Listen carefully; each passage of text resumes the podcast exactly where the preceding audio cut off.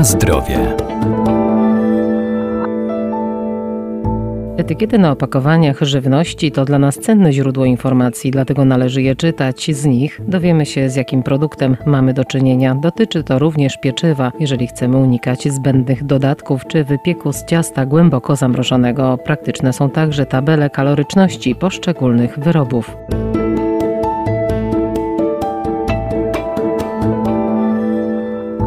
Przy zakupie artykułów spożywczych nie powinniśmy się sugerować jedynie ilustracjami na opakowaniu czy też hasłami reklamowymi, ale na przykład ich składem, który znajdziemy na opakowaniu. Tam muszą się znaleźć m.in. nazwa wskazująca na rodzaj produktu, wykaz alergenów, procentowa zawartość danego składnika czy też wartość energetyczna poszczególnych wyrobów. Jeśli chodzi o praktyczną taką poradę, no to powinniśmy po prostu zwracać uwagę na kaloryczność produktów, czyli analizować etykiety. I w momencie, kiedy w 100 gramach produktu produktu, bo w taki sposób najczęściej ta kaloryczność jest e, podawana. W momencie, kiedy mamy kaloryczność rzędu powiedzmy powyżej 200 kilokalorii na 100 gram, to powinniśmy się zastanowić, e, bo nie powinniśmy zbyt dużo takiego produktu spożywać, ponieważ będzie to już zbyt e, wysoka kaloryczność. Dietetyk Maciej Pokarowski, Uniwersytet Medyczny w Lublinie. Najlepsza taka kaloryka to jest no powiedzmy od 50 do 200 kilokalorii. Czasami możemy pozwolić sobie na produkt o większej kaloryczności, czyli większej gęstości gęstości energetycznej,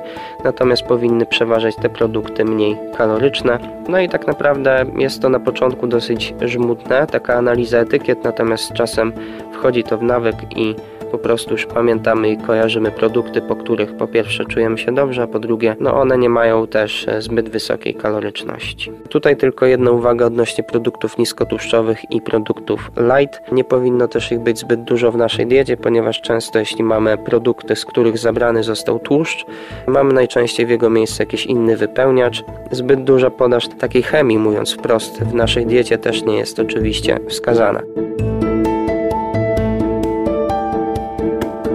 Na zdrowie.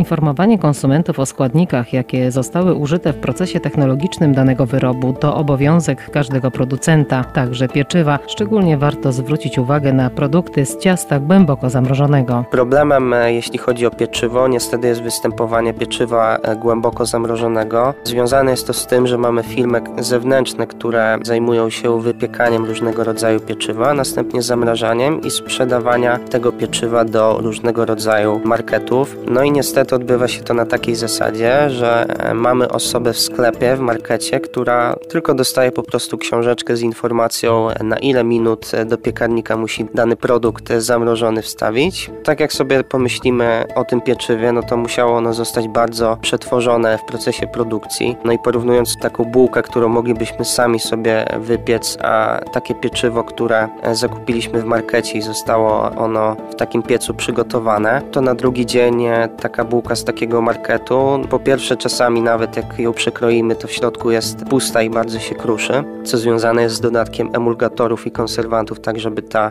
bułka zachowała swoje właściwości po tym, jak zostanie podgrzana. No i też, no nie ukrywam, że ona zawiera bardzo mało błonnika, o ile nie śladowe ilości, więc tutaj będzie powodowała gwałtowny wzrost poziomu cukru we krwi, a tych skoków jak najbardziej chcemy uniknąć, bo to predysponuje do insulinooporności, może się rozwijać również cukrzyca. Tak naprawdę rozwiązaniem, jeśli chodzi o wybór pieczywa, to skłaniałbym się ku temu, żeby wybierać pieczywo u zaufanego piekarza, kupować w zaufanej piekarni. Jeśli już kupujemy w sklepie, no to zwracać uwagę, żeby było to pieczywo na zakwasie, żeby było to pieczywo z dodatkiem mąki jak najwyższym numerku. No i pamiętajmy również o jeszcze jednej e, bardzo ważnej rzeczy, mianowicie barwieniu pieczywa. Często niestety możemy znaleźć dodatek słodu jęczmiennego czy karamelu, a te dwa dodatki wpływają na to, że pieczywo ciemnieje. Czyli tak naprawdę patrząc z zewnątrz na produkt, mamy wrażenie, że wybieramy coś zdrowego, no bo w końcu ciemne pieczywo jest zdrowsze od tego jasnego.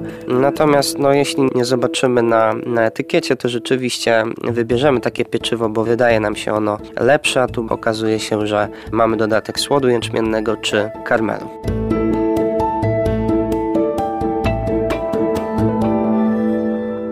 A jeżeli żywność okaże się nieświeża lub niezgodna z tym, co deklarował na opakowaniu producent, zawsze przysługuje nam prawo do reklamacji. Składamy ją u sprzedawcy.